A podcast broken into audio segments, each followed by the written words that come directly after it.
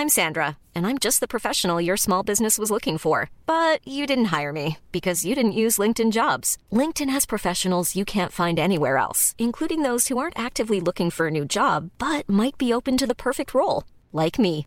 In a given month, over 70% of LinkedIn users don't visit other leading job sites. So if you're not looking on LinkedIn, you'll miss out on great candidates like Sandra. Start hiring professionals like a professional. Post your free job on linkedin.com/people today. Halo pendengar GGMI Podcast, baik lagi bersama kita berdua dan pada momen ini kita ingin minta maaf kalau ternyata apa yang disombongkan tidak ada yang nyata ya. Semua itu adalah fana, kemenangan MU adalah suatu hal yang fiktif dan terbukti kemarin semua dari kita harus sekali lagi menggadaikan masa tidurnya untuk sebuah hal yang sia-sia gitu kan. Untung aja apa namanya apa nggak ada untungnya sih sebenarnya sih. Iya ada untung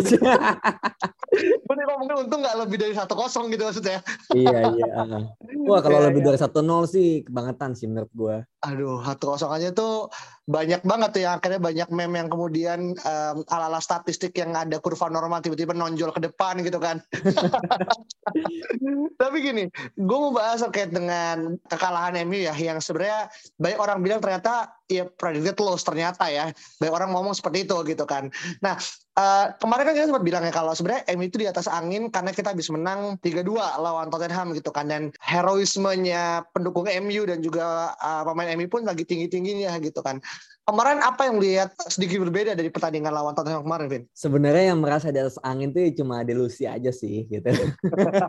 Karena ketika lu kemarin tanya gua, gue tuh kan jawabnya adalah sama aja sebenarnya sebelum maupun setelah pertandingan lawan Tottenham. Karena yang gue lihat ya again it's only Tottenham dan juga banyak hal-hal yang terjadi yang di luar teknis yang bikin MU bisa menang lebih firm lagi dibandingkan sebelumnya. Dan kekhawatiran gua tentang Atletico ternyata benar terjadi. Bagaimana pressingnya, main keras dan juga shithousery-nya ya. Banyak pemain seperti Llorente, Herrera dan juga siapa lagi gelandangnya ya gue lupa gitu. Tapi intinya adalah bagaimana mereka bermain dengan sangat-sangat efektif dan juga mampu membunuh MU hanya dalam beberapa kesempatan ya dibandingkan MU yang punya mungkin kesempatan sedikit lebih banyak cuma ya terbentur dengan finishing kita yang jelek gitu sih bro menurut gua. Mhm, Iya, dan juga sebenarnya kalau kita ngomong masalah uh, ini kalau ngomong masalah defense dulu ya karena kita kalah gitu kan. Sebenarnya gol pertamanya Atletico ini sebenarnya bisa dibilang 2-0 gitu kan. Karena Oh yang di offside itu kan sebenarnya sama persis. Mm-mm. Bisa dibilang udah udah formatting banget itu tuh gitu kan. Tap in dari sisi kiri dan. Ronaldo kemudian akhirnya langsung masuk. Nah, gue pengen nanya ke lo gitu. Ketika memang kemarin akhirnya MU apa nama kejebolan gitu. Siapa orang kemudian patut disalahkan gitu. Karena ini bukan akhirnya eh, mana yang harus ini ya cuma ini kita kan evaluasi gitu kan karena baik lagi banyak orang menyalahkan ada yang bilang Diego Dalot lah ada yang bilang Maguire yang paling banyak ada yang bilang sekedar kita nggak punya pure DM yang kemudian bisa mengontrol di tengah dan akhirnya hal tersebut terjadi gitu kalau lu lebih prefer ke opsi yang mana Vin? Kalau menurut gue yang salah wasit sih, karena dia nggak ngasih pelanggaran ke Elangga. itu kan apa ya? Maksudnya em, kejadiannya 50-50 ya. Em, di pandangan gue sih itu harusnya pelanggaran ya, karena itu soft, ya emang soft sih gitu. Cuma itu ada sebuah dorongan kepada Elangga yang sedang dribble bola dan akan attempt sebuah crossing ya, sepertinya kayak gitu. Dan menurut gue itu harusnya pelanggaran. Dan sayangnya ternyata tidak dikasih dan pemain MU jadi harus track back. Dan satu hal yang mungkin kita jarang lihat adalah Atletico ini menggunakan dua false nine, yaitu Joe Felix dan juga Antoine Griezmann. Yang mana tugasnya false nine ini kan untuk membantu gelandang, untuk membuat back lawan ini kebingungan apakah harus stay di belakang atau harus tracking si false nine ini ke gelandang. Dan yang dilakukan Maguire adalah ikut ngepressing si Griezmann yang mana Maguire ini jadi keluar dari zonanya. Itu fungsinya nine itu kan kayak gitu. Nah sayangnya defensive shape MU itu nggak begitu bagus. Makanya jadinya eh, Renan Lodi di kiri itu tidak terjaga oleh harusnya itu harusnya Anthony Elanga kayak gitu. Pun kalaupun harusnya Diogo Dalo, Diogo Dalo harus nge-cover Varane yang mana Varane harus nge-cover Maguire yang maju gitu loh. Jadi menurut gua gue nggak nyalain Maguire karena kalau Maguire nggak maju Griezmann bakal kosong banget gitu dan dia bisa attempt dari jarak jauh kayak gitu dan kalaupun nggak jarak jauh dia bisa attempt sebuah passing diagonal juga sayap kiri atau kanan. Jadi menurut gue Maguire nggak bisa gue selain 100% tapi ini lebih kepada defensive shape yang kurang bagus daripada MU gitu sih. Oke, yang mana awal mulai adalah dari uh, dramanya Elanga yang tidak mendapatkan uh, apa namanya fall ya di sisi kanan nah, gitu kan. Iya. Dan sebenarnya gini, ini kalau kita ngomongin masalah sejarah ya terkait dengan MU dan Liga Champion, sebenarnya dari tiga kali uh, Liga Champion ya tahun 2012-13 terus juga tahun 13-14 dan juga sekarang nih MU selalu kalah dari tim di mana ketika di leg pertama kita seri gitu kan kita tahu pas mhm. lawan Real Madrid hasilnya juga cukup drama ya dengan ya, ya. Luis Nani kemudian kena kartu merah dan itu akhirnya ngebuat MU gagal masuk ke babak uh, 8 besar gitu kan 13-14 ya tahu bagaimana gol Ajen Robben dengan selebrasi dia yang sangat ikonik ya akhirnya ngebuat uh, MU kemudian juga gagal juga masuk ke 8 besar besar dan sekarang juga sama gitu kan history repeats gitu kan meskipun orang kemudian banyak mengunggulkan MU karena kita punya catatan baik oleh Ronaldo gitu kan 25 gol ya masuk ke gawangnya Atletico cuma ternyata kemarin nggak ngebantu-bantu juga gitu.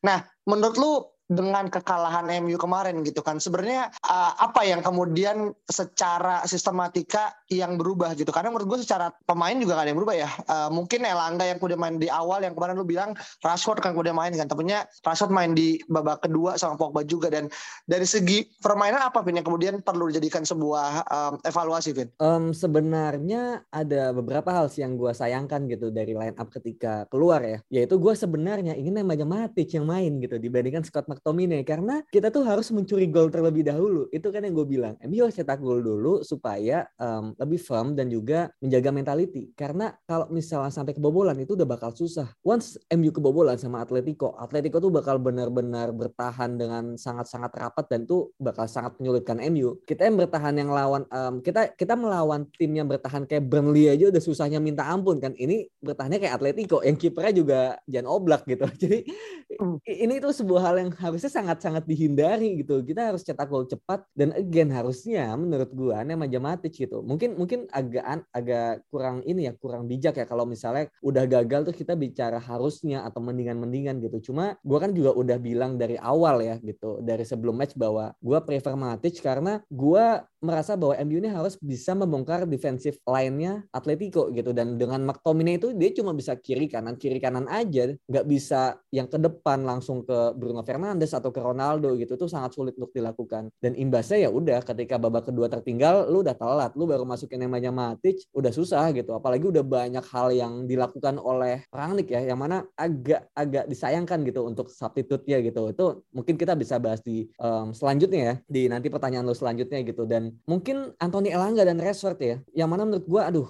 Elanga kan mainnya lebih bagus ya daripada Rashford menurut gue gitu. Jadi menurut gue Elanga ini harus dijadikan sebuah kayak kartu as terakhir yang di babak kedua tuh bisa dilakukan seandainya plan di babak pertama tidak terjadi gitu. Dan menurut gue ini sebuah ya sayang sekali sih harus Rashford yang jadi cameo dan ya kita tahu sendiri kayak apa dia mainnya.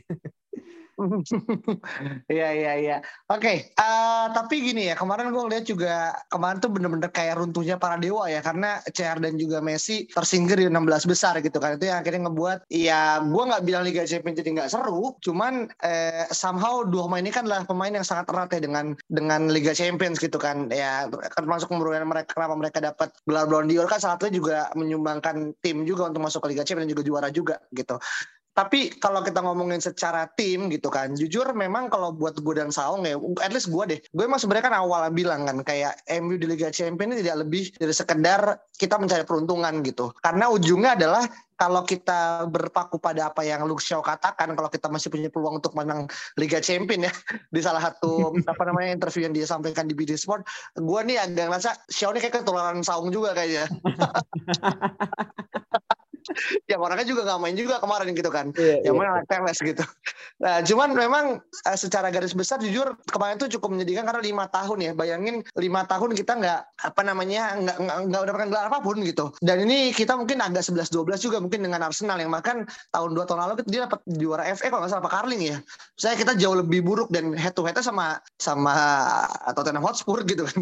Yang secara notabene harusnya lo aja bilang it just Hotspur. Meaning yeah. kan berarti kita merendahkan level kita sampai level yang lu sendiri kemudian mengatakan kalau Spurs bukan di level kita gitu kan. Yeah. Tapi everything ya apa uh, happens for a reason meskipun nggak tahu ya reasonnya apa gitu kan. Tapi gini kita ngomongin masalah uh, tren MU ke depan ya karena ini gue ngerasa kalaupun jadi pemain jujur pasti akan merasa dimotivasi karena dia udah nggak ada liga, dia udah nggak ada lagi uh, Liga Inggris udah pasti nggak juara, uh, FA Carling udah out, Champions sudah out juga gitu kan. Dan kalau lu sebagai seorang pelatih gitu kan yang memberikan ya intinya kita mungkin masih udah berapa? 8 9 9 uh, match lagi gitu kan. Apa yang kemudian lu bisa uh, apa namanya? approach untuk kemudian at least membangkitkan sisa tenaga lah Vin untuk di paruh terakhir Vin. Gue udah no word sih sebenarnya udah bingung gitu karena menurut gue Rangnick udah melakukan segalanya gitu untuk memperbaiki MU gitu dan kayaknya emang musim ini bukan untuk memperbaiki gitu. Musim ini memang udah diper diperuntukkan bagi Rangnick untuk membongkar kebobrokan MU gitu loh, bukan untuk menjuarai atau bukan untuk survive gitu. Karena kalau mau itu ya bisa aja sih, cuma pendekatannya bakal beda gitu. Cuma memang sepertinya ya Ucal udah nggak ada, nggak ada dan liga-liga lainnya juga kita udah udah tersingkir kan gitu. Jadi kalau misal hal yang paling realistis ya, kita kan ada 18 hari nggak bermain sampai nanti kita main lagi di 2 April on Leicester dan mungkin hal non teknis yang bisa dilakukan adalah ya healing seperti yang di dilakukan oleh Ronaldo kemarin kan. Sekarang kita mungkin bisa mengirim Rashford dan juga pemain-pemain lain yang um, underperform ya. Kayak Pogba juga gitu. Gue agak jujur agak kecewa ya sama Pogba kemarin yang mungkin agak aneh ketika Bruno Fernandes ditarik diganti Pogba oke okay lah gitu kan. Mungkin emang Pogba ini bisa menjadi um, kayak mesayahnya MU gitu dengan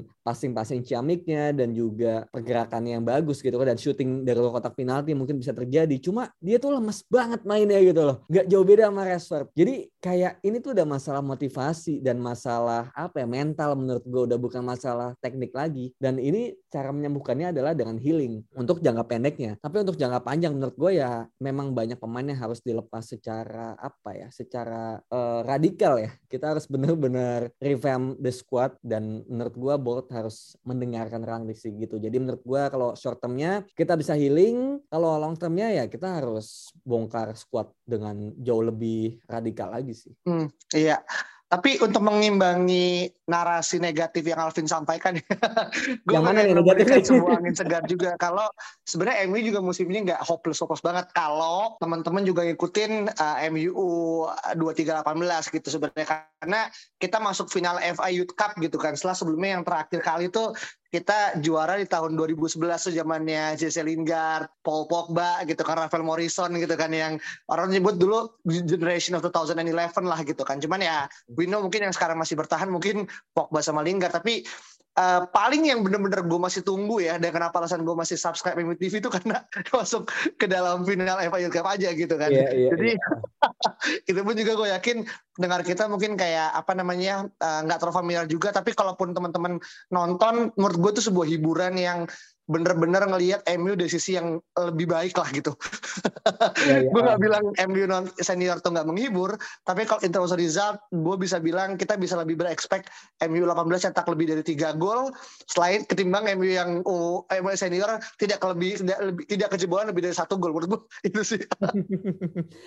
iya ya, um, sebenarnya iya sih kayak ada opsi juga kalau misalnya emang MU udah nyerah ya sama musim ini, ya kenapa lu nggak coba aja gitu di posisi-posisi yang sepertinya udah deadlock juga, misalnya sayap kanan, ya kan? Sayap kanan ini kan kalau nggak Elangga, Rashford, yang mana mereka berdua lebih cocok di kiri dan Sancho lebih bagus di situ performanya. Jadi sayap kanan mungkin bisa coba siapa ya di kanan di U18 atau 23 siapa di kanan yang bagus? Uh, sebenarnya ada berapa sih contoh Emil Forson dan Emil Forson ini emang pemain sayap kanan yang emang kaki kiri ya. Jadi emang hmm. tipikalnya emang eksplosif kayak Sancho yang memang ya natural di kiri gitu. Jadi kalau Elangga kan sebenarnya kaki kanan ya. Jadi gue agak cukup khawatir dengan lekukan-lekukan yang tidak bisa melakukan syuting ala-ala masuk gitu sih sebenarnya kayak yeah, Osman Dembele yeah. gitu kan yang menurut gue itu sih paling tapi gue nggak yakin ya dia mendapatkan dia aja belum pernah latihan sama MU senior di musim ini ya yeah, dibandingin sama yeah. Alvaro Fernandes gitu kan atau mungkin sekedar eh, siapa lagi Enzibal Mebri soal soal tiri aja masih sangat minim sebenarnya secara waktu benar. gitu sih iya ya, hmm. ya short juga lebih sering main di kiri kan daripada di kanan kan? Benar. Iya iya. Gitu. Garnacho pun juga di kiri ya. Ada Garnacho kan kiri juga. Jadi kalau ngomong siapa main MU sayap yang main di kanan ya yang bisa dijadiin sebenarnya kalau ngomongin di U23 sama U18 um, gue nggak ngelihat ada sebanyak banyak banyak nama ya gitu. Paling saya diulang tadi Emil Forson doang gitu pun. Itu pun dia kadang mainnya uh, ya di kadang U18, kadang U23 tergantung kebutuhan dari uh, pelatihnya aja gitu. Tapi menurut gue dia nggak belum bisa lompat-lompat. Jadi paling menurut gue between these two aja sih antara Ragnik dan eh Ragnik lagi. Rashford dan juga Ragnik anjir. Rashford dan juga siapa Rashford dan juga Elanga. Tapi kalau lu pribadi for the rest of season lu akan memberikan chance buat Rashford atau karena gini ya kayak Rashford kan dilematis ya. Dia dia pengen cabut dan Rangnick udah memberikan pintu keluar secara implisit ya kalau lihat di ini ya kan. Dan kayaknya defense pun kayak udah cukup jengah ya dengan dengan sikap bukan sikap lebih kepada kayak performance dia kali ya di lapangan yang dia sebagai seorang superstar ya dengan segala bentuk eh, dia MBA juga gitu kan. Dan juga ini kayaknya nggak dibarengin dengan performance yang cukup dan menurut gua lu sebagai main bola berbuat baik aja kurang cukup gitu kan. Lu lu harus perform juga iya gitu kan. Iya. Gimana, Vin? Iya, gue juga semalam kan Rashford ada sebuah isu juga ya di Twitter kalau misalnya teman-teman juga pada lihat di trending topik ada video yang menunjukkan bahwa jadi pas Rashford ini keluar dari stadion mau ke bus kayaknya ya. Itu ada fans yang bilang what an awful performance gitu kan. Markus, hmm. Markus gitu. Terus tiba-tiba hmm. Rashfordnya kayak nyamperin dan ditahan sama security dan tiba-tiba Rashford tuh kayak kayak ngomong sesuatu dan pas meninggalkan security ya dia mengacungkan jari tengah ke fansnya hmm. gitu. Jadi kayak ini apa nih gitu kenapa dia jadi jadi kayak emosional padahal ya fans menurut gua berhak juga untuk apa ya kayak ya kesal dan juga marah. Mereka udah bayar tiket udah berharap MU bakal menang di kandang sendiri kan dan juga disuguhkan oleh permainan seperti itu yang ditunjukkan oleh pemain yang nomor 10 gajinya 250 ribu pounds dan juga ya ya seharusnya gitu dia dia udah digadang-gadang gitu musim ini bakal lebih bersinar karena udah operasi bahu kan katanya gitu. Tapi ternyata bisa operasi bahu ya lu cuma main bagus dikit gitu. Jadi menurut gue sangat wajar bahwa fans ini expect lebih dari seorang Marcus Rashford. Setidaknya lu mencapai bare minimumnya deh gitu. Ini malah below bar minimum gitu loh. Jadi kayak wajar menurut gue fans kecewa dan dan di situ nggak ada abusive menurut gue gitu. Cuma aksi dari Rashford itu menunjukkan bahwa kayaknya ada attitude problem juga yang mana kayaknya dengan Rangnick berani ngomong bahwa nggak apa-apa lo kalau mau cabut tapi di summer itu kayak Rangnick melihat sesuatu yang kayaknya nggak dilihat oleh fans dari dalam lapangan gitu. Mungkin ada hal di luar lapangan yang selain dia membagikan makanan dan juga mendapat MBA gitu, ada hal terkait mungkin ego dan juga arogan di ruang ganti yang mungkin Rangnick yang bisa melihat itu gitu. Hmm, hmm. Iya iya memang sebenarnya apa ya suatu hal yang kayak Rashford ini gue masih ngeliat emang dia pun secara secara umur juga sebenarnya bisa dibilang uh, tua juga belum ya. Dia kan let's say 24 ya kalau nggak salah 25 iya, di tahun ini kan. 225 yang mana sebenarnya itu peak momennya dia. Jadi nah. menurut gue kayak ketika dia pun kemudian nggak bisa perform sampai akhir musim yang rugi dia juga sebenarnya gitu kan. Nah ini yang kemudian agak bertolak belakang sama Pogba yang mencoba untuk tampil impresif untuk meli, untuk menggoda uh, klub lain gitu kan untuk kemudian ngebeli dia. Nah justru Rashford ini malah kebalikan gitu. Lu diberikan pintu keluar untuk cabut tapi lu pun nggak main bagus tuh kemudian either membuktikan kalau MU salah atau membuat klub lain tuh mau beli lu gitu. Benar benar benar. Nah, nah ngomongin masalah Rashford ya, barusan banget gue baca bahwa Barcelona katanya tertarik sama Marcus Rashford. Kalau kemarin-kemarin mungkin PSG ya yang gue baca untuk menggantikan hmm. ya Mbappe kan. Nah, misalnya nih misalnya Barcelona nawar sekitar 50 atau 50 60 lah untuk Rashford buat di summer. Lu lepas nggak? Gua dengan sangat berat hati gue bilang iya gitu kan. Karena jujur, um, karena gini, ini bukan semacam kayak uh, perusahaan model fashion ya, atau model ya dalam artian gini kita tidak keeping players just because they are famous gitu kan. Kita keeping players karena secara performance dia di lapangan tuh memiliki dampak signifikan terhadap hasil tim. Dan itu kan itulah makna orang bermain sepak bola gitu. Kalau kemudian mau jadi ya model ya lu pindah jabatan gitu kan. Dan menurut gue banyak kok. Apakah ada pemain yang kemudian bisa menyeimbangkan antara lapangan luar dan juga dalam? Ya kita lihat bagaimana Ronaldo gitu kan Messi gitu kan dan Mbappe gitulah uh, pemain-pemain yang kemudian betapa mega bintangnya mereka tapi mereka bisa on on dua-duanya gitu kan. Dan ini yang kemudian menurut gue Rashford nih gue nggak ngerti apa karena dia mulai taruh di kanan makanya dia ngerasa nggak nyaman. Dan justru malah jujur ya kalau kita balik ke topik awal ketika Sancho mau datang kan sebenarnya kita tuh kok menunggu-nunggu dua Sancho Rashford ya di kiri kanan. Eh ujungnya malah iya. sekarang mereka jadi semacam kayak subsidiary instead of comment, uh, complementary gitu kan. Ya, gue mungkin kalau jadi Rashford juga kesel juga nih. Anjir nih Sancho nih. Lo gue harapin datang buat ngisi kanan lo ngirim makan tempat gue gitu kan.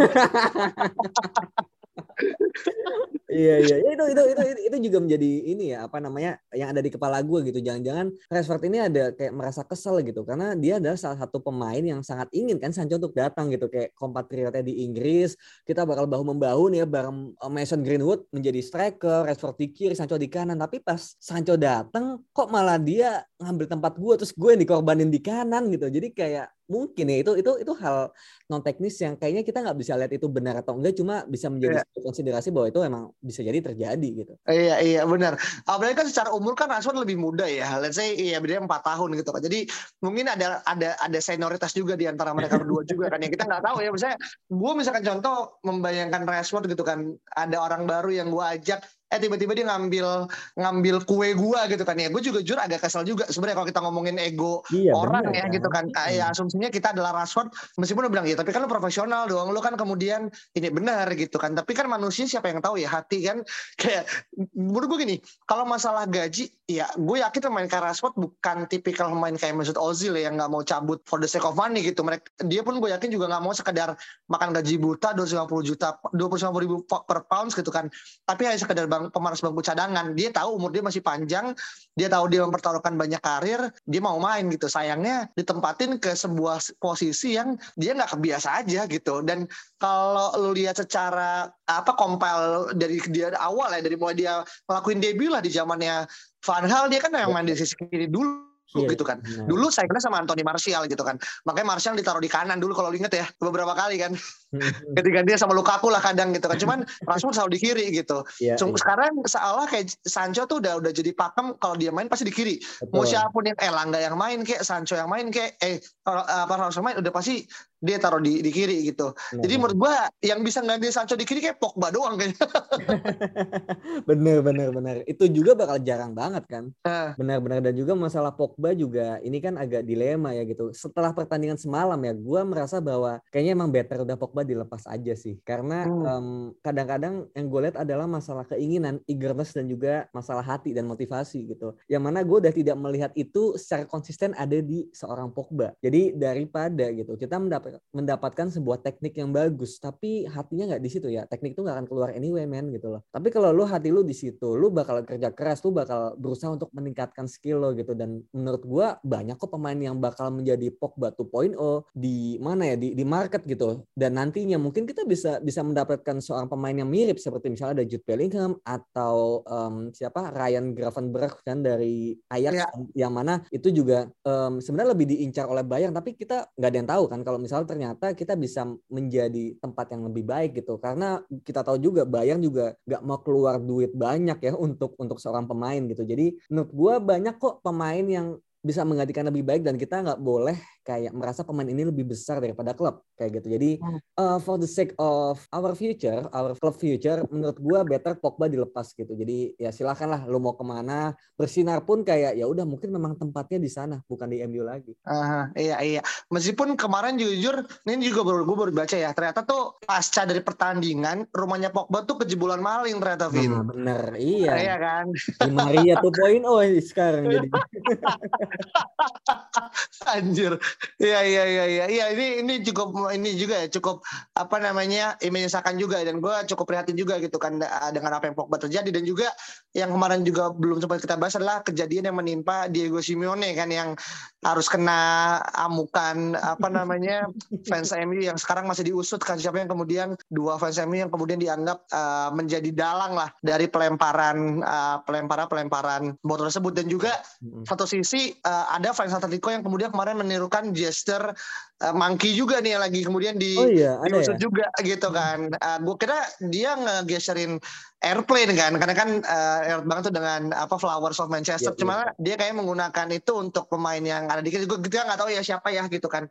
Cuman menurut gue itu beberapa drama-drama di luar lapangan yang yang belum berakhir setelah peluit peluit tanda akhir dibunyikan. Dan juga ini men kalau misalnya drama di luar lapangan ya yang kita lucu adalah bagaimana seorang Luis Suarez itu ngekonsol Bruno Fernandes gitu jadi gue bingung ini kok Luis Suarez jadi baik ya di Old Trafford gitu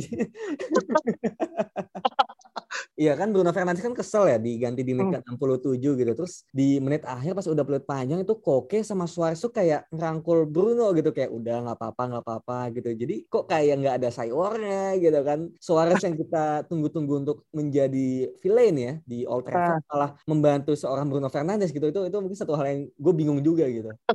Iya, jangan itu ya, yang paling paling terakhir kemarin uh, beredar fotonya De Gea yang juga foto sama Koke juga kan di Eh, dia Mayorente. juga tuh di pasca Mayorente. dari- Heeh. Oh Llorente iya gitu kan tuh kan menurut gue juga sama lucunya ketika Maguire sama siapa main City yang salaman kan. Iya, heeh, heeh. sama John Stones.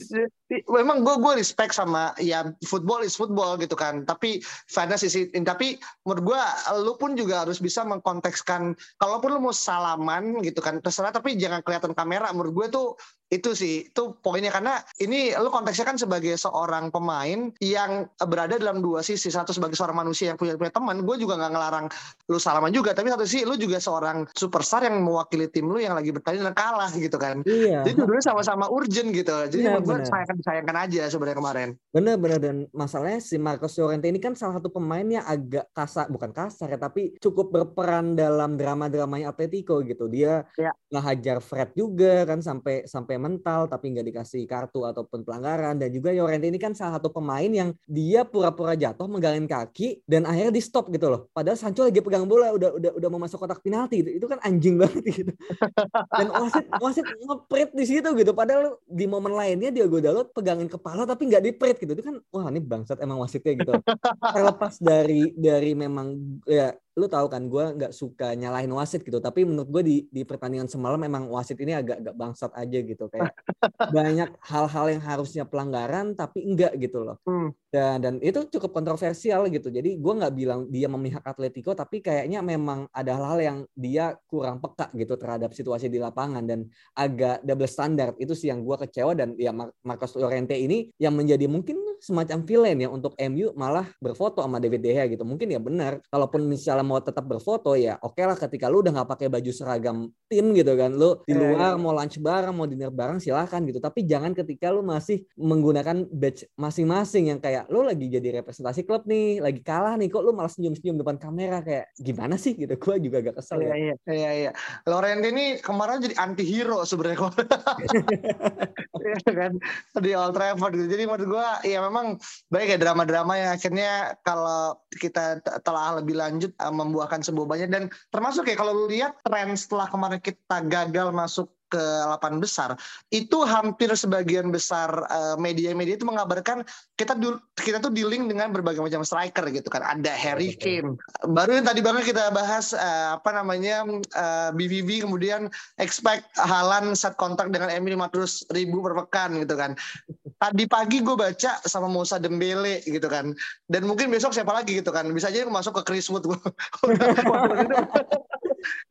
ini apakah semacam kayak reaktif respons atau memang iya memang karena just MU ya orang akan men- akan riding the wave aja gitu Iya ya, Eh, menurut gue memang salah satu halnya kan adalah Rangnick memang suggest bahwa MU butuh striker yang lebih muda untuk musim depan gitu. Dan menurut gue Harry Kane itu seems impossible. Kenapa? Karena Ronaldo ini juga expect bakal bertahan. Dan kalaupun kita punya eh, dan kalau misalnya kita punya Ronaldo dan punya seorang Harry Kane sekaligus dalam satu tim itu kayaknya nggak mungkin. Karena nggak mungkin juga Ronaldo cuma main dari bench 10 menit, 5 menit layaknya Donny van de Beek itu kan nggak mungkin ya. Jadi dan kita meng- eh, melakukan itu kepada Harry Kane juga nggak mungkin gitu dengan kualitas yang ada nggak mungkin kayak gitu. Sedangkan kita main formasi dua striker juga kayaknya nggak juga gitu. Jadi menurut gua kita akan membeli seorang striker muda yang potensial yang kayaknya masih mau untuk di bench dan juga masih menjadi rotational player untuk Ronaldo gitu. Dan em, dua pemain itu ya menurut gua bukan Holland juga. Gua agak sanksi bahwa Holland bakal datang kecuali Ronaldo pergi kayak gitu. Dan kalaupun yang datang menurut gue bakal ketiga pemain gitu antara Nunes, Nunesnya Benfica yang mencetak gol dan menyingkirkan Ajax atau Isak dan juga Patrick Schick gitu. Itu sih tiga striker yang akhir-akhir ini santer diberitakan akan dibawa ya oleh Rangnick. Iya, uh, meskipun jujur kalau secara kualitas ini kan semacam kayak is now atau nanti gitu kan misalnya it's now or, or, it's now or never kayak misalnya contoh kayak bilang kan iya tadi tiga nama tadi kan Patrick Schick terus juga kemudian Isak gitu kan Isaknya Sweden gitu kan. Iya iya itu kan lagi Nuno-nya Benfica yang akhirnya banyak juga di dibuat kompilasi-kompilasi yang gue nonton di YouTube tuh. Jujur di antara tiga itu ya um, kalau ngomonginnya sekedar mensubsidiari Ronaldo ada di MU sebenarnya ada kurang bijak juga. Karena memang tadi tapi gue setuju kalau misalkan ada eh, lu nggak mungkin mendatangkan Harry Kane ketika Ronaldo masih ada gitu kan. Pertama lu akan rebutan. Eh, kasar ini gue selalu percaya di dalam sebuah tuh dalam suatu rumah ya itu nggak akan nggak boleh ada dua matahari kasar gitu ya. Yeah. kalau gue mulai ini analogi eh, gembel aja gitu ya sama yeah. gitu. Ken dan juga Ronaldo ya matahari tersebut gitu kasar meskipun ya lu kan banyak punya Pogba masih punya Bruno gitu. Misalkan contoh bisa mereka bertahan. Iya yeah. tapi beda posisi gitu kan. Dan masa kan striker di era modern seperti ini itu rata-rata menggunakan satu striker. Makanya banyak orang mengatakan striker sekarang itu hampir kayak kiper. Ketika lu udah mendapatkan posisi, jarang lu bisa mau diganti. Yeah. Dan yeah. gue setuju karena udah menggunakan 4-4-2 lagi, lu menaruh Rashford di LMF gitu. kan nggak mungkin ya. Lu nggak mungkin naruh saja di LMF, lu berharap dia crossing-crossing macam David Beckham itu. Iya iya. iya. Nggak mungkin gitu. jadi jadi emang emang ini emang serba ini ya, serba nanggung sebenarnya. Oh. Jadi we'll see gitu kan gimana akhirnya. Nah, cuman menurut gue sih kebutuhan utama pasti menurut gua tetap dari perajin kemarin ya itu R itu RWF ya udah pasti gitu kan. Dan satu nama mengerucut ke Anthony kan itu udah menurut gua udah jadi ini bukan Anthony Martial ya teman-teman nanti nanti nanti the real nanti false false Anthony gitu kan. Yeah, yeah. tapi seru juga ya kalau Anthony di kiri Anthony Martial di kanan di kiri double Anthony gitu. Iya kita lihat tiga Anthony loh nanti bisa-bisa striker kita Anthony Martial kiri kita Anthony Elanga dan kanan kita Anthony Ajax. Gokil. Gokil. Cocokologis ya, masuk juga tapi masuk masuk yeah, masuk. Yeah, yeah. Triple Anthony ini bisa jadi sebuah opsi juga nih buat untuk brand kayaknya masuk kalau secara yeah, campaign ya. Tinggal kita lihat aja. Jangan-jangan kayak kita selama ini tuh salah membuang pemain gitu. Yang dibuang tuh jangan-jangan harusnya Rashford gitu. Kita malah membuang Martial ya. Kita nggak pernah tahu ya. Iya iya iya iya iya. Ya jangan kan itulah ketika Lukaku keluar kan orang udah mulai beranggapan harusnya nggak Lukaku yang keluar, harusnya Anthony Martial gitu kan. Iya. Ya sama juga nih sekarang misalkan lu lebih milih drop Sancho atau Rashford bisa jadi ya. Gue ini ini kita bicara pada plot twist yang paling aneh gitu kan. Rashford pindah, dia bersinar lagi karena di kiri, uh, ujungnya Rashford jadi 007 bisa contoh gitu kan. Who knows gitu. di iya, football iya, kan penuh dengan gambling ya. Jadi menurut gue sih sebagai mungkin menutup juga kali ya kalau diskusi udah agak melebar juga. Ini poinnya adalah kekalahan MU kemarin cukup berat tapi sebagai sebuah uh, ya duka sesaat aja lah. Karena baik lagi ini bukan MU yang ada di era tahun 2000 sih 2008 misalnya. Atau tahun 1999 uh, gitu kan. Yang lu tahu dengan squad punya lu chance itu minimal semifinal lah gitu misalkan contoh gitu kan.